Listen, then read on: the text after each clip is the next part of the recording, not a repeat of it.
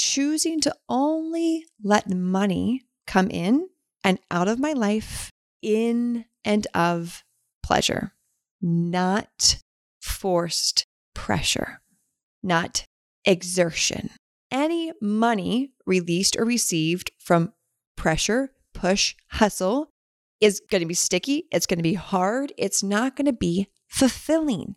And what's the point of making a lot of money if you don't feel fulfilled and pleasurable doing so? Any other way just sounds boring and exhausting. Making money from grind and push and hustle and have to and lack and scarcity? No, thank you. I did that, been there, done that. I lived that. and for me, it did not work. This is a Soul Fire production. Welcome to the Embodied Woman podcast. If you are new, well, welcome.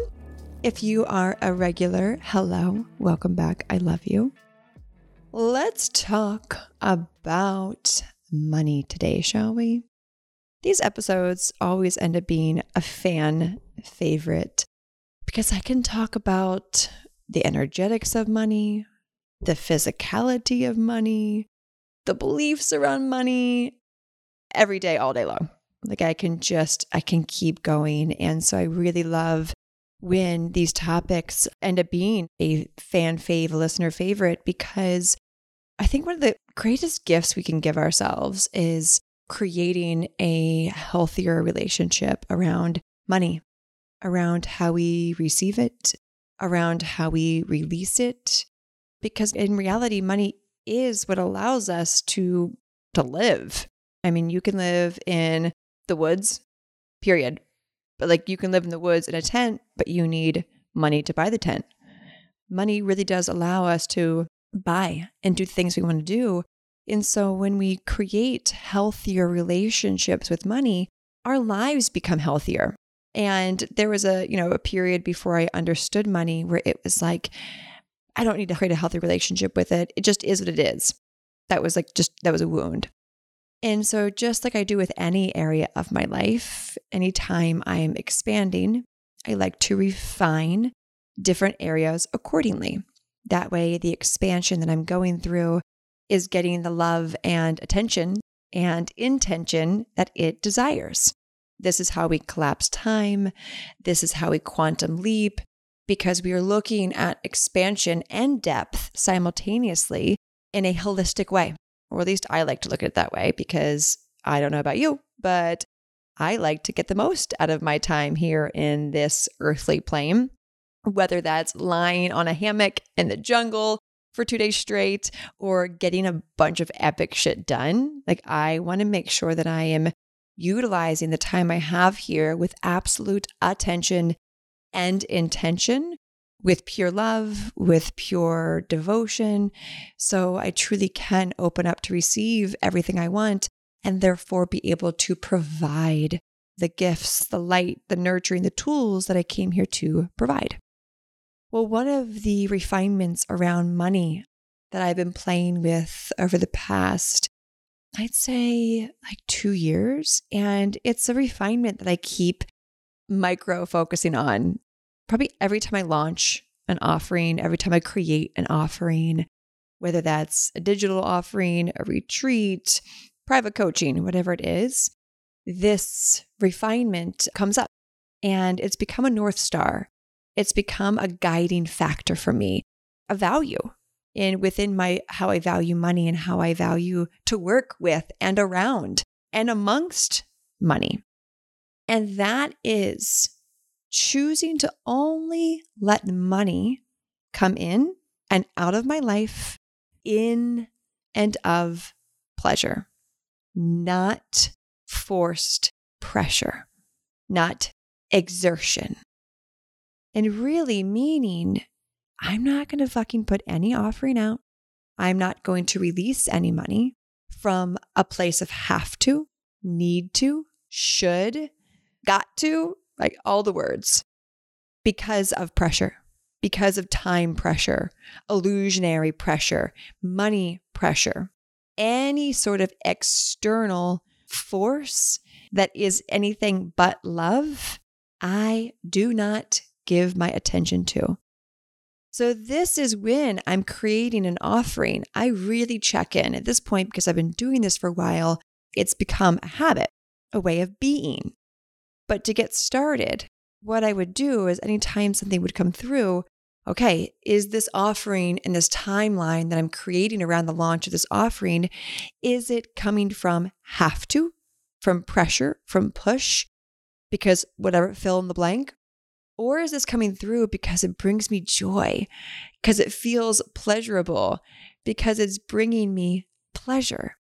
Any money released or received from pressure, push, hustle is going to be sticky. It's going to be hard. It's not going to be fulfilling. And what's the point of making a lot of money if you don't feel fulfilled and pleasurable doing so? Any other way just sounds boring and exhausting. Making money from grind and push and hustle and have to and lack and scarcity? No, thank you. I did that, been there, done that. I lived that. and for me, it did not work. But what does work is tuning in, knowing that money is a, she's a sacred slut. She is a conscious slut. Right? She wants to come in and out, flow in and out with ease. Therefore, she wants to be in pleasure. You guys see where I'm going with this? And I've been using this analogy around money being a, a conscious slut for a long fucking time now. And it begins to stack and make sense in many other dots that connect around it, like this one pleasure. If money is a sacred slut and she wants to be in joy and pleasure and move around, because, like, you know, what sacred slut wants to have sex for the, just having sex? That's boring. Like, so 1995. She wants to create beauty and pleasure around it, connect to God through it. Therefore, the same is with money and creating it. Are you creating an offering or making money from a place that isn't fun, and sometimes this does not mean that we avoid having jobs that aren't fun. We got to pay the bills. But it's finding little pockets of pleasure within that. There was a time I was, it was in college for an entire summer that I was a janitor, like a janitor, like a bucket, apron, key, key ring, all the things. I had a closet, everything. And I found pleasure in it because it was the only fucking job that I could find, the only job I could find that summer. So I just made it work. I wasn't like, oh, I can't be that. It was like, cool. This like never once was I annoyed or weirded out by that. Not one fucking moment. It was like, oh, great. Okay. Like, would a different job be a little more glamorous? Sure. But is this going to allow me to receive money to be able to go back to college and actually have money to live off of? Yeah, it's going to. So, how can I just make this fucking work? And so I did. I found pleasure in it. When I'd be cleaning urinals, when I would be cleaning off dry erase boards, because it was at a university, not even my college, it was a completely different state. I would find pleasure in that. I'd put some music on. I'd maybe draw on the dry erase board and then erase it. Like the urinal situation, I'm just like, it is what it is. Like there's no eh, there's no point in getting grossed out or annoyed by it. It just is what it is. I kind of would create like pleasure around setting a timer, like how fast can I get out of this fucking men's bathroom because this is disgusting. But I made a game out of it. I created fun around a usually not pleasurable experience. And so I'd make money through that. That's no different than how I make money now. I just now do it in a way where I know when I'm doing it. Like at last, when I was doing that, I just did it because I had to make it fun. Like I didn't know the energy of the importance of making it fun for money. I just did it because I had no other choice but to make it fun. It was my reality. It was my reality. But now that I know and have brought that mindset into the present, because we only want to bring past mindsets into the present that support us, that fuel us, that expand us, not drag us back. And now partnered with money, I'm like, oh yeah, like this, this shit's good and it works.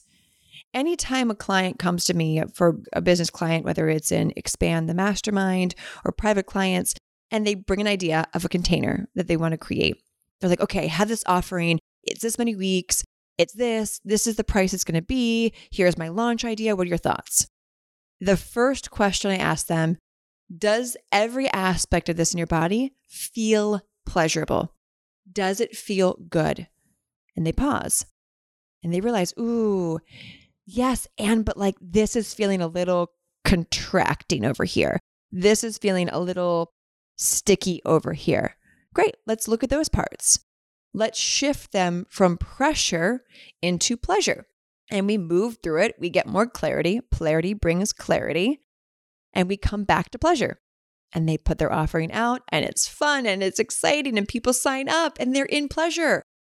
Launches of offerings or sharing our services or selling a product shouldn't feel like pressure, shouldn't feel painful. It shouldn't feel like you're miserable cleaning urinals. If I can find pleasure out of cleaning a dirty ass fucking urinal, y'all, you can find pleasure in anything. That's the reality. like, because if we can do it in one area, we can do it in all areas. But it's up to us to ask ourselves well, if I'm not in pleasure right now, creating this thing that's going to create me money, then there's something in here that's sticky, that's pressure, that's forcing, that should, that's have to, that's lack, that's scarcity, time scarcity, money scarcity, past beliefs, past projections of other people. Okay, let me look at those. Let me alchemize those and oh, come back into pleasure. Just like that. And then share your offering from that. And then promote your program from that. Then sell your product from that. Creating pleasure over pressure. Beautiful example for this my husband and I have been working on a completely different company over the past, I would say, a little over, it's like two two years now. I bought the trademark for it though, for the name of the company. Oh my gosh, probably four years ago. Four years ago, I this came through, probably even more than that, honestly. Came through, bought the trademark, and just was like, I'll put it aside and work on it whenever it's meant to be worked on until the space comes through where it feels like pleasure. And it felt like pleasure coming through. But I knew that beginning to create the company, because it's a it's a physical company, I wanted to make sure it felt pleasurable. And so we moved here into our home in Charleston just a little over what two and a half years ago. And we're like, okay, now is the time to focus on this company. And I'm like, ah, it doesn't feel good. It's like I've got all the time. I've got a white space on my calendar. I only work a few hours a week, but no, it doesn't feel pleasurable. It feels like we'd be creating it from pressure, but no pressure from anyone or anything else because this company is, is we're funding it. It's fun for us. It's solving a problem that we have, which means it's probably going to solve a problem for a lot of other people. The product makes our life so much better. I've been using this product my entire life every single day, pretty much every single day since, you know, I was a, a child. So I know the benefits it has on my life, but there is no pressure. So why would I be creating it, even if it makes sense on paper, but it feels like pressure? Don't do it. So here we are, two and a half years later, still just slowly working on this company. We've got all the different kind of not even in order. Like we've got that piece in place, we've got that piece in place, that person in place, we've got the products nearly complete because I've been making sure that we're only working on this company when we're both in states of pleasure. There have been many times that Johnny wants to sit down and go through the the I can't without getting into details, the different products to test out the products because we're working with outside sources to bring the vision to life. And he has it all laid out, like, here we go. And I'm like, it doesn't feel fun for me right now. And he's like. But he has to respect that. Like, he gets that. He doesn't get it, but he gets it. He doesn't understand it. He doesn't have to, but he respects it. And so we've just been nurturing this company in a pleasurable way. So when the company, which I am so excited for the day that it is birthed, God, you guys are just going to love it. I can't even. It's going to be pleasurable. And the buyers and the recipients of it, the purchasers of it, are going to feel the pleasure too. And the company is going to be massively successful because the foundation's been built and continues to be built on a pleasurable, solid foundation. No pressure, no force, no hustle, just pure love and pleasure. That means from the day that I bought the trademark into the day it's actually birthed into the world, I mean, that's probably going to be seven years. Like seven years. This is where we as humans create these like time illusions. I have this idea, it has to be built now. Because if it don't get it built now, time will go by. Seven years, you guys. We've been slowly like like teeny tiny little builder ants have been building this. And I fucking love it. And I love it. There is no rush. When we're creating from pleasure, there is no rush. What happens when you're having sex and you try to force an orgasm? Does is it fun? I mean, short term, but like not fun. It happens and you're good and great. On to the next thing. But when we create pleasure through sex, whether with self or someone else, it's way better. It's longer. It's more satiating because how we do one thing is how we do everything.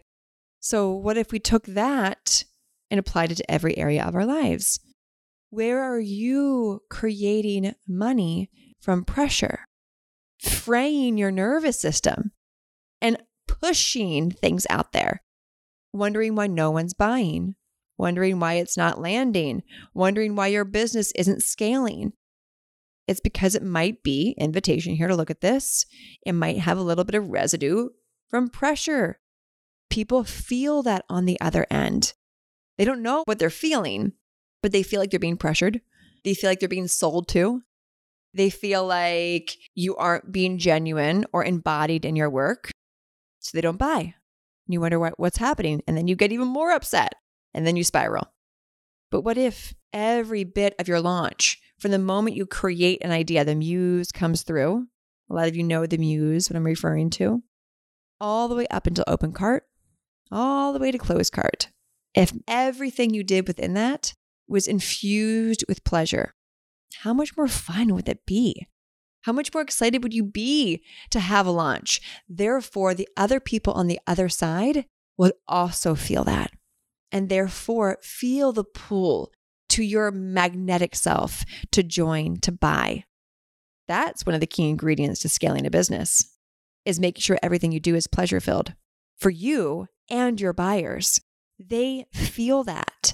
They sense that you are embodied I truly believe one of the foundational reasons that Untamed, which started as a year long container, has turned into a movement and an actual brand now, because it is so fun for me.